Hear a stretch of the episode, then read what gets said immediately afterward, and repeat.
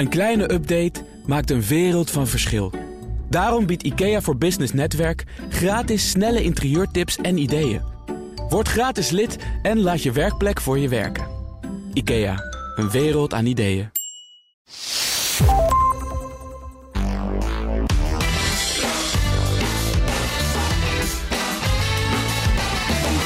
Welkom bij de Ben Tichelaar podcast, de podcast over persoonlijke en professionele ontwikkeling. Moet ik op mijn werk de confrontatie aangaan of zwijgen om de lieve vrede? Blijven mensen eigenlijk werken als ze de loterij winnen? En maken mensen die een burn-out hebben gehad minder kans op een promotie? Deze en nog veel meer vragen worden beantwoord in het boek In conflict gaan met je baas. Hierin zetten wetenschappers van de Universiteit Gent onderzoek rond werk op een rijtje. De initiatiefnemer van dit boek is Stijn Baart, hoogleraar economie aan de Universiteit Gent. Vandaag ben ik bij hem op bezoek in zijn werkkamer in Gent dus. Uh, hallo Stijn, leuk om hier te zijn. Hallo. Zeg, um, dat boek, In conflict gaan met je baas. Hoe ben je erbij gekomen om dat boek te gaan samenstellen? Wel, aan die prachtige universiteit die je daarnet vernoemd hebt, de Universiteit Gent, hebben wij een, een, netwerk waarbij we alle professoren die bezig zijn met werk- en arbeidsmarkt samenbrengen. Psychologen, economen, sociologen, uh, gezondheidswetenschappers. En toen wij twee jaar geleden met dat netwerk starten, UGent at Work uh, heet het, ja. hebben wij een vraag gesteld aan Vlaamse werknemers. Wat wil u weten over de arbeidsmarkt? Dat, Om... dat was op een radioprogramma, geloof ik, toch? Ja, of niet? ja, bij Nieuwe Feiten hebben we dat gelanceerd. We hadden daar ook een video video uh, op onze eigen websites hebben we daar een oproep gedaan. En daar zijn 3000 uh, reacties opgekomen. 3000? Ja, heel veel mensen willen uh, wel wat weten over hun werk. We zijn heel, heel lang, uh, lange dagen die we, die we kloppen. We werken uh, een hele tijd tijdens ons leven. Dus we kunnen maar best de juiste keuzes maken. Ja. En heel veel mensen vragen zich af: oké, okay, wat, wat zegt de wetenschap over die keuze die ik moet maken en andere keuze die ik moet maken? En dan zijn we met die 3000 vragen aan de slag gegaan. Maar Deels... is nog even een stapje terug, hè? want 3000 vragen. Ik kan me voorstellen dat de collega's, zo'n zo'n zo'n Gent, wat was ik weer? Gent at Work? U Gent at Work. Gent at Work, zeg maar dat netwerk dat collega's ja. het best leuk vonden, zeg maar, dat je op radio dit soort dingen ging, ging vragen. Maar die 3000 vragen, was dat niet een beetje too much voor je? Hadden ze niet zoiets van, oh Stijn, dit wordt te veel? Wel, het mooie is dat wij met Gent at Work een coördinator hebben gekregen van de universiteit. Zij wil die interdisciplinaire samenwerking uh, tussen die collega's stimuleren. Een voltijds uh, persoon die, die gedoctoreerd uh, is en die is daar in hoofdzaak doorgegaan, heeft die vragen samengenomen en dan wat verdeeld onder de collega's. Voor een stuk met de vraag van wat is geweten in de wetenschap over ja. al die vraagstukken. En voor een stuk ook, ja, misschien kunnen we nog wat extra onderzoek uh, doen. Want ook dat is de bedoeling, hè, dat we op basis van die, van die vragen onze onderzoeksagenda een beetje vorm uh, geven. Vaak doe je onderzoek omdat je buitenlandse peers een bepaalde stap hebben gezet. Wetenschappers ja. die rond hetzelfde bezig zijn. Dan zet je een ander uh, extra stapje. Ja, wij denken dat voor een stuk de belastingbetaler eerder onze baas is. En hebben dus gezocht naar vraagstukken waar die mee zit, om dus onze eigen onderzoeksagenda uh, ook wat mee uh, vorm te geven. Ja, hoe maak je nou een selectie als, je, als er al die vragen binnenkomen? Hoe kies je nou wat je bijvoorbeeld in zo'n boek gaat behandelen, of waar je dus ook bijvoorbeeld een onderzoeksprogramma op zou willen zetten? Ja, er zijn, er zijn twee belangrijke zaken. Hè. Ten eerste, heel veel vragen kwamen terug. Wat moet ik doen om een promotie uh, te maken? Hoe kan ik herkennen dat ik richting een burn-out ga, bijvoorbeeld? Dus we konden dat snel reduceren naar veel minder vragen. Dat is een eerste manier om ermee om te gaan. Tweede. Manier is dat je natuurlijk kijkt van ja, wat kunnen we vanuit de wetenschap beantwoorden. Sommige vragen zijn heel persoonlijk, heel moeilijk te beantwoorden, zijn nog niet uh, onderzocht. Of ook anderzijds, welke vragen zijn interessant om zelf te gaan uh, onderzoeken. Want ja, je zit natuurlijk als wetenschapper altijd een beetje tussen de twee. Je wil wel de stap zetten naar de buitenwereld, naar die belastingbetaler die je baas is. Langs de andere kant streef je ook wetenschappelijke impact na. Ja. En ga je dus die vragen er ook voor een stuk gaan uithalen die, uh, die een aanvulling kunnen betekenen op de wetenschappelijke literatuur. Zometeen even nog wat meer over het boek en wat er allemaal zeg maar, aan uh, interessante wetenswaardigheden in staan. Maar eerst nog even over jou, want uh, je bent eigenlijk een soort BV'er, heb ik begrepen. Een bekende Vlaming, hè? wij hebben het dan over BN'ers altijd in Nederland. Maar Stijn Baart is een begrip uh, in, in Vlaanderen in ieder geval. je bent vaak in de media. Um, ja, wat, wat, wat drijft jou om zeg maar, ook je wetenschappelijke werk zo onder het publiek te brengen? Wel, ik denk dat ik een, een belangrijk argument reeds gegeven heb. Hè. Dus, dus die belastingbetaler die ik zie als mijn baas, ja, daar wil ik zoveel mogelijk voor terugdoen. En dat betekent dat ik voor een stuk naast mijn eigen onderzoek heel erg uh, concentreer op onderwijs, goed les proberen geven aan de zonen en de dochters uh, van die belastingbetaler, maar ook ervoor zorgen dat het onderzoek dat ik doe met die centen, met die belastingcenten, dat die terugstromen naar uh, die belastingbetaler. Dat is voor mij een eerste reden. Dus dat, dat, is bijna een ideologische reden. Dus dat, dat, dat, dat ja, is, ja, vast. Uh, het is voor een stuk ook uh, practice what you preach. Ik vond als studentenleider al dat onze professoren meer moesten naar buiten komen, dat het ja. belangrijk was voor het imago van de universiteit. En mocht ik mij snijden, zou daar vast uh, uh, blauw en geel bloed uitstromen, de kleuren van de Universiteit Gent, waar ik heel veel aan te danken heb. Ja. En waar ik voor een stuk uh, ook uh, op die manier iets voor wil terugdoen, door met dat onderzoek naar buiten te trekken en hopelijk zo soms het imago van de universiteit ten goede te komen en misschien soms ook niet. Ja, maar je was dus al een activistische student en dat heeft zich uiteindelijk ertoe vertaald dat je ja. ook die dingen echt zelf doet, mm-hmm. waar je, nou ja, wat zal het zijn, 20 jaar geleden voor streed? Ja, 20 jaar is misschien overdreven, 15, 15 jaar. Oké, okay, oké, okay, ja, ja. Maar ja, effectief. Ik, ik, vond dat toen al uh, de, de, twee grote universiteiten in Vlaanderen zijn die van Gent en van Leuven. Ik vond toen dat de professoren van Leuven veel meer naar buiten kwamen. Dat wij dat als, als Gentse professoren, of dat onze Gentse professoren toen, dat meer moesten doen. Dus op die manier uh, is, het, is, het, ja, is het voor mij waarmaken waar ik, waar ik vroeger zelf om gestreden heb. Dat ja. klopt. Ja. Um je hebt heel veel verschillende thema's waar je mee bezighoudt. Je adviseert ook uh, overheden op allerlei terreinen. Ik zei al, je treedt veel op in de media. Zijn er bepaalde thema's waarvan je zegt, daar, daar, ja, daar wil ik eigenlijk ook nog mee aan de slag in de komende jaren? Mm. Wat staat er op de onderzoeksagenda van Stijn Baart? Wel, daarvoor moet je weten wat de grote uitdaging is van de arbeidsmarkt in België. En uh, dat is heel uh, makkelijk uit te drukken in één woord, dat is inactiviteit. Dus je kunt eigenlijk de bevolking uh, tussen bepaalde leeftijdscategorieën, bijvoorbeeld tussen de 25 en de 64, die kun je altijd opdelen in drie groepen. Je hebt okay. mensen die werken, je hebt mensen die werk zoeken, werklozen uh, ook wel genoemd, en je hebt een derde, mensen die inactief zijn. Dat zijn mensen die niet werken, maar ook niet zoeken naar een baan. En vroeger dacht men, ja, we moeten ons beleid enten op de werklozen, we moeten die activeren. Ja. Maar dat is in België een groep van een normale grootte. Dat is een 4% op onze 25 tot 64-jarigen. Daarnaast staan die inactieven. Dat is ja. 21% in België uh, op onze 25 tot 64-jarigen. 1,3 miljoen mensen die tussen de 25 en de 64 zijn, maar niet werken en ook geen werk zoeken.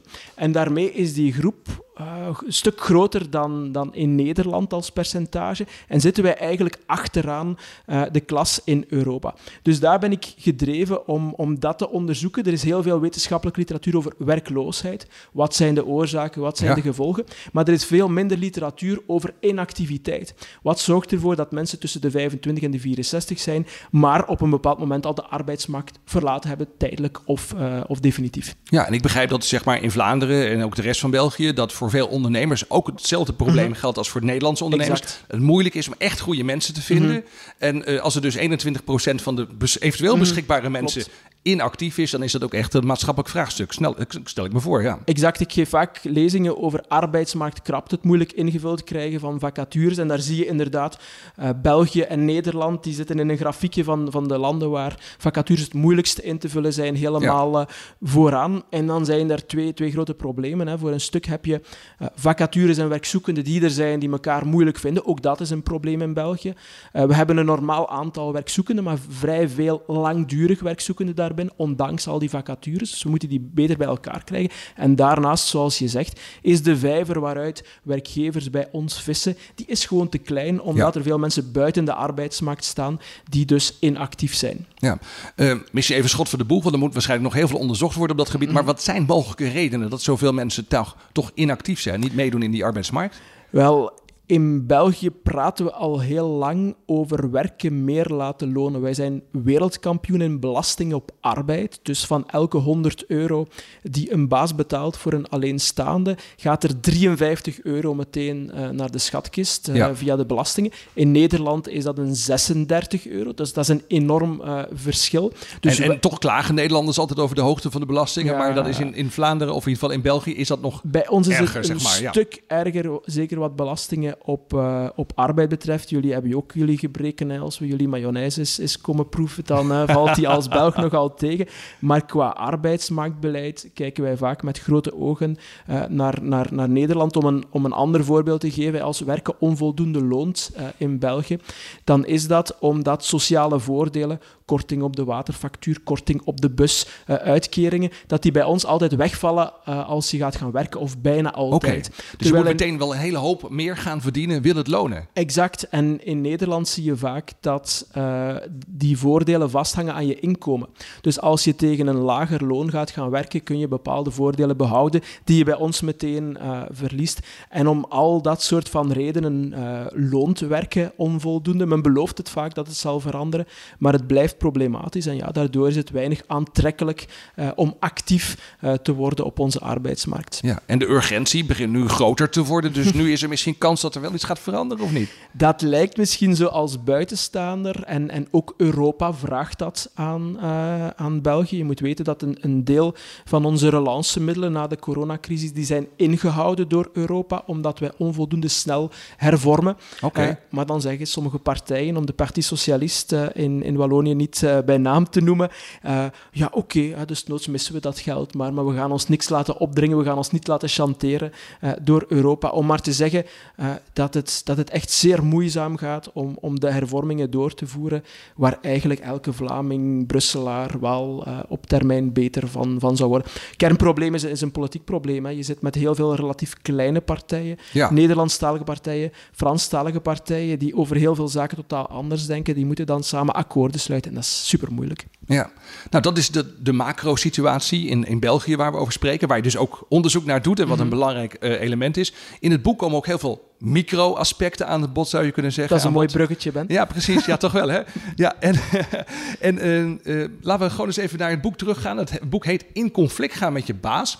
En, en andere manieren Aha. om je loopbaan in eigen handen te nemen. En dan toch even dat conflict dan maar. Want als je dus wel op een gegeven moment in het arbeidsproces zit... en je wilt graag stappen vooruit maken... dan loont het dus om af en toe uh, ja, de confrontatie hm. te zoeken. Is dat ook eigen onderzoek van jou? Of is het nee. onderzoek wat jullie samen hebben gevoegd in nee, het boek? ja, dus... dus elk hoofdstuk wordt eigenlijk gedragen door een andere collega in een, in een ander uh, uh, vakgebied. Dat is mijn collega Gossia die dat, uh, die dat hoofdstuk geschreven heeft. En op zich wilden wij het boek noemen Alles over werk. Maar dan heb je natuurlijk een uitgeverij die voor een meer catchy titel gaat. En dan Ja. neemt hij dat elementje van in conflict gaan met je baas eh, eruit. Eh, het idee is daar dat eh, creativiteit, motivatie, dat die vaak niet gebaat zijn bij het onder de mat vegen van conflicten en het wegduwen en het vermijden van, van discussie, maar dat het om tot de best mogelijke beslissingen te komen, om creatieve denkprocessen te, te, te, laten, te laten gebeuren, eh, ja, dat het belangrijk is om de dingen op tafel te gooien op een constructieve manier, op een, op een moment dat ze nog niet eh, emotioneel bezwaard zijn. Eh, dus vandaar, ja, dat is inderdaad een van de vele tips eh, in het boek. Er staat ook een test in hoe je zelf eh, met conflicten omgaat, wat dan voor jou specifiek de valkuilen zijn. Dat is altijd de bedoeling dat je er ook ja, vanaf morgen in principe mee aan de slag kunt. Ja, ja, nou ben jij de initiatiefnemer van het boek, dus je hebt waarschijnlijk ook alles doorgenomen. Herkende je iets daarvan? Want dat in conflict gaan met je baas, is het ook zo zeg maar dat hier binnen de Universiteit Gent, of binnen misschien wel de UGent at Work, dat netwerk, Ja. eh, is daar ook creatief conflict, zoals in het boek wordt beschreven? Och, eh, ja, wie, wie ooit het, het boek Onder Professoren van W.F. Hermans eh, van bij jullie heeft gelezen, die, die kan zich wel iets, eh, iets voorstellen van, van de universitaire wereld. Ik, ik verwijs vaak naar het boek. Als je het er juist had over ja, een publiek persoon zijn, ehm, vaak in, in de media zitten, dan, dan kijkt ook niet iedereen daar op dezelfde manier naar. Dat wordt niet als- altijd gewaardeerd. Voilà, voilà. Wie, Ja, wie oké, ja. onder professoren leest, ziet daar vaak voorbeelden van, van wat dat in gang zet qua, qua mechanieken. Ehm, maar langs de andere kant, er zitten eh, inderdaad in, in, het, in het boek veel dingen waar ik zelf mee aan de slag ben gegaan. Bijvoorbeeld één concrete tip is mijt je eigen smoel. Dat is een beetje eh, lelijk gezegd in het, Ja, in het. Vlaams. Wanneer dat je in online vergaderingen zit. Dus je zit, we zitten tegenwoordig heel vaak in online vergaderingen. Ja, Um, dat zorgt voor cognitieve overbelasting en je hoofd is voortdurend aan het draaien. En als je dan in vergaderingen, zo heeft onderzoek uitgewezen, nog naar je eigen gezicht voortdurend moet zitten kijken, ja. uh, je ziet een rimpel bijkomen, je ziet dat je haar wat, wat slechter wordt, je, je, je denkt dan van alles dat je nog moet doen, dan blijkt dat uh, de, de overbelasting van je hoofd uh, extra te stimuleren. Dus dat is iets wat ik geleerd heb dat ik zelf in de praktijk toepas. Dat is leuk, ja. ik, sle ik, sleep nu mijn eigen gezicht buiten het, het beeld, of ik klik het weg, of ik zorg in elk geval ervoor dat ik tijdens vergaderingen niet meer op mijn eigen gezicht of in het schoon Vlaams mijn eigen smoel moet zitten zien. Ja, precies. Nou, dat is heel herkenbaar inderdaad. Ik, je ziet dat ook trouwens, als je met mensen in gesprek bent, dat, dat ze, ze kijken, ze lijken je aan te kijken, maar ondertussen uh, wordt, het, wordt het scherm als een soort spiegel gebruikt. Dat mensen nog even aan hun haar zitten. Dus wat komt daarvan? En dan moet je eigenlijk tegen ze zeggen, joh, sleep je eigen gezicht even weg van het scherm, want het leidt je alleen maar af. Vijf minuten per dag in de spiegel kijken is meer dan genoeg. Is meer dan genoeg, oké. Ja, nou goed, dat is goed om wat te horen. Um, andere dingen die in het boek voorbij komen waar je zegt, nou, dat, uh, dat, dat vond ik echt zelf ook opmerkelijk onderzoek van collega's, wat jou op uh, andere gedachten heeft gebracht? Dus te zeggen op andere gedachten. Je hebt tijdens de intro verwezen naar het vele onderzoek dat aan de universiteit gebeurt rond, rond burn-out. Daar hebben we gezien dat er in de psychologische literatuur, in de geneeskundige literatuur, heel veel bestaat over uh, wat veroorzaakt burn-out. Maar mensen keren natuurlijk terug naar de arbeidsmarkt. En daar zie je dat, uh, dat er dan een, een, stukje van een leidersweg ook nog volgt. Uh, dat mensen die proberen promoveren, dat die veel minder kansen hebben om dat te doen. Ze worden gezien als minder goede leiders. Er wordt gedacht van zij zullen wel niet weglopen, dus we hoeven hen niet per se te promoveren. Dus daar is, daar is een hele literatuur dat we hier aan de UGent aan gebouwd hebben over ja, wat na de burn-out en wat zijn je kansen dan nog. We hadden het er net al eventjes over. Uh, onderzoek waar jullie nu mee bezig zijn gaat over wat mensen overkomt als ze van een burn-out hersteld zijn en weer terug willen in het arbeidsproces. Ja, dan, dan heb je eigenlijk, blijkt uit jullie onderzoek, met allerlei vormen van discriminatie te maken. Mm -hmm. Ja, we, we, zien dat effectief. Hè. Dus we zien dat zowel bij het solliciteren uh, na, na burn-out als uh, de kans dat je nog promoveert na burn-out, als die kans op ontslag, uh, die, die vergroten, die verslechteren eigenlijk allemaal op het moment dat je een burn-out hebt gehad. Wat telkens terugkomt, is dat werkgevers jou zien als minder stressbestendig. Okay. Dat is een heel belangrijke reden waarom ze jou minder uitnodigen voor een jobgesprek, waarom je promotiekansen minder, minder groot zijn. Dat is natuurlijk ja, een probleem. Hè. Er wordt heel vaak gesproken over, wij moeten de inactiviteit verlagen, zoals ik daar juist zei. Dus we moeten mensen die ziek geweest zijn terug integreren.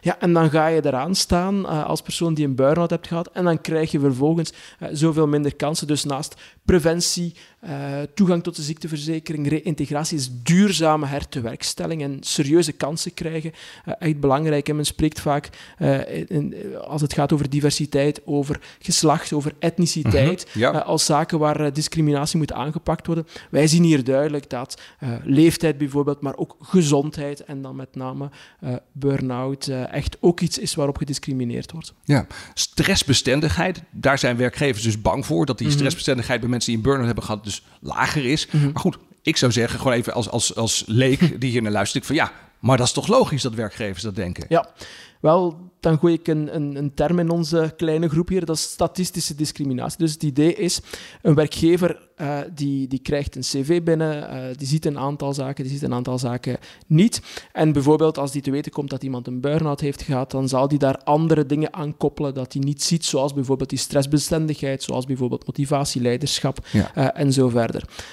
op zich ja, zou je zeggen logisch, hè? je gebruikt alle informatie die je hebt en je begint daar dingen uit af te leiden, maar het is bij wet niet toegelaten dat je het doet. Het, het, het klinkt minder erg dan bijvoorbeeld vanuit racisme of seksisme gaan, gaan discrimineren. Ja. Maar uiteindelijk is het hetzelfde als uh, wanneer dat je zou zien dat iemand 55 plus is. Daar weten we ook uit onderzoek wat een werkgever denkt. Namelijk, uh, die is niet mee met technologie, die is te duur. Ja, wil, wil niet meer veranderen, wil niet meer leren. Ja, die is niet flexibel, die is niet opleidbaar.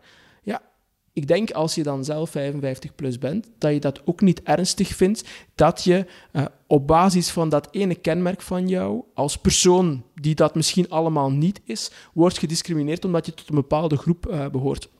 Zo zal het ook zijn voor mensen die een burn-out gehad hebben, dat die lang niet allemaal uh, plots een probleem hebben met, met stressbestendigheid. En dan is het unfair dat je uh, op zo'n kenmerk, uh, op zo'n groepskenmerk, eigenlijk wordt, wordt, wordt benadeeld. Dus het mag niet van de wet. Het is geen goed idee en het is ook niet ethisch. Nee, het is niet ethisch, het is juridisch ook niet toegestaan. Maar aan de andere kant blijft dan toch nog een vraag: mensen die een burn-out hebben gehad, hebben die dan na afloop meer kans op een tweede burn-out of juist minder? Want je zou kunnen zeggen: ik heb een burn-out gehad, daar heb ik veel van geleerd. Dat gaat me niet nog een keer gebeuren. Mm. Hebben jullie daar ook data over? Wel, we hebben daar zelf niet rechtstreeks onderzoek naar gedaan, maar we hebben natuurlijk heel veel gelezen van onderzoek dat in het verleden is gebeurd. En, en daar zie je inderdaad ja, dat, net zoals bijvoorbeeld bij depressie, dat iemand die ooit de problematiek van burn-out heeft gekend, dat die ook wel later uh, een hogere kans heeft om een, om een burn-out uh, opnieuw te krijgen.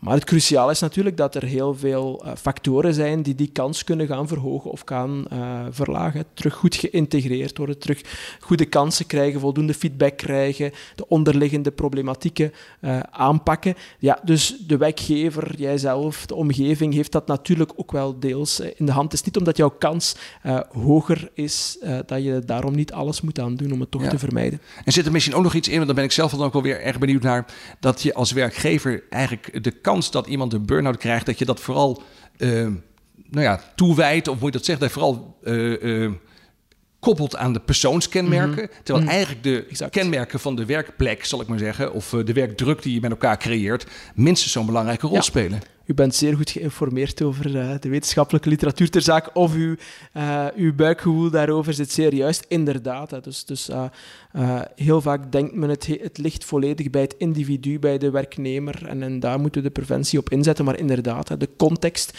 bijvoorbeeld in het boek hebben we het ook over pesten op de, op de werkvloer ja. als, een, als een grote risicofactor. Uh, waarbij dat je, dat je ziet dat stress en pesten dat die ook hand in hand gaan. Dus, dus de context van de werkvloer is, uh, is zeker belangrijk. Um, nu we het toch over stress hebben, we hebben nog tijd voor een paar interessante feitjes. En ik vond een van de dingen die in het boek stonden wel bijzonder opmerkelijk. Namelijk dat je aan de haren van mensen, als je, als je haren gaat analyseren, kunt zien of ze stress ervaren op hun werk. -hmm.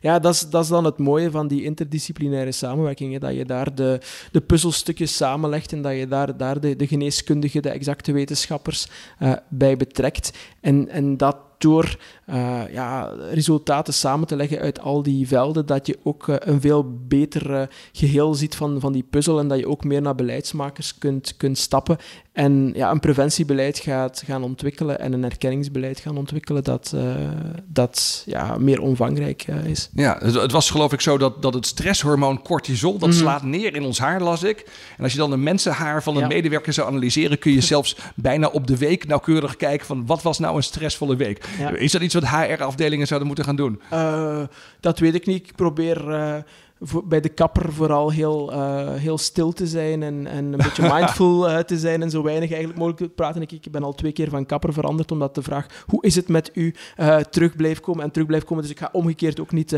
adviseren wat, wat zij moeten, zouden moeten gaan doen. Nou, dan ga ik die vraag ook maar niet stellen, maar nog wel één vraag, laatste vraag.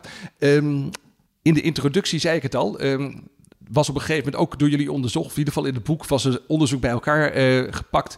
Dat ging over de vraag of mensen blijven werken als ze de loterij winnen. Dat is natuurlijk heel vaak mensen zich afvragen, stel je voor dat ik de loterij win, zou ik dan nog weer naar mijn baas teruggaan? Hoeveel mensen besloten om toch te blijven werken? Ja, je ziet dat tot ongeveer 7 op de 10 zijn die, die verder blijven werken uh, wanneer ze de lotto winnen. Maar ze gaan typisch wel een beetje minder, uh, minder uren gaan kloppen. Nu, het feit oh, dat... maar dit, dit is dus echt daadwerkelijk onderzoek. Niet ja, dat mensen ja. denken wat ze gaan doen, maar de mensen die echt winnen, ja, ja, ja. Daarvan blijft 70% blijft dus gewoon zijn werk doen. En je ziet, je ziet wel dat ze een beetje gas terugnemen. Maar nu langs de andere kant is dat niet zo verrassend, omdat ja, werken is meer dan geld verdienen. Hè. Het geeft ja. jou de mogelijkheid om uh, je te ontplooien, kennis op te doen die je anders niet zou opdoen. Uh, Als we het dan toch hebben over die mensenziens vreselijke vraag van uh, ja, hoe gaat het met je of wat doe je, dan gaan mensen heel snel antwoorden in de richting van een beroep. Hè. Dus wat je doet op de arbeidsmarkt, ja, dat, dat is voor een stuk ook jouw merk, ook hetgeen dat je, dat je nodig hebt om te kunnen uh, praten. Dus, dus het is meer dan geld verdienen alleen. En in dat opzicht uh,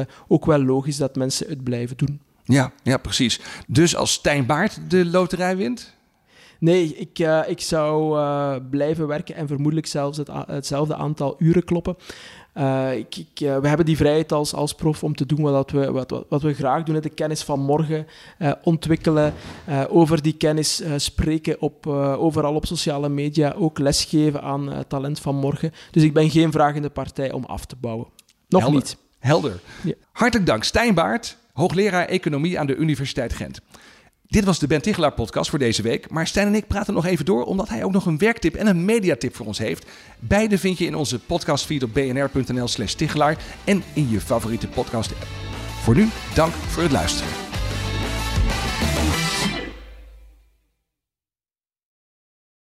Het inrichten van je eigen zaak is best wel wat werk. Daarom biedt IKEA voor Business Netwerk 50% korting op interieuradvies. Word gratis lid en laat je werkplek voor je werken. IKEA, een wereld aan ideeën.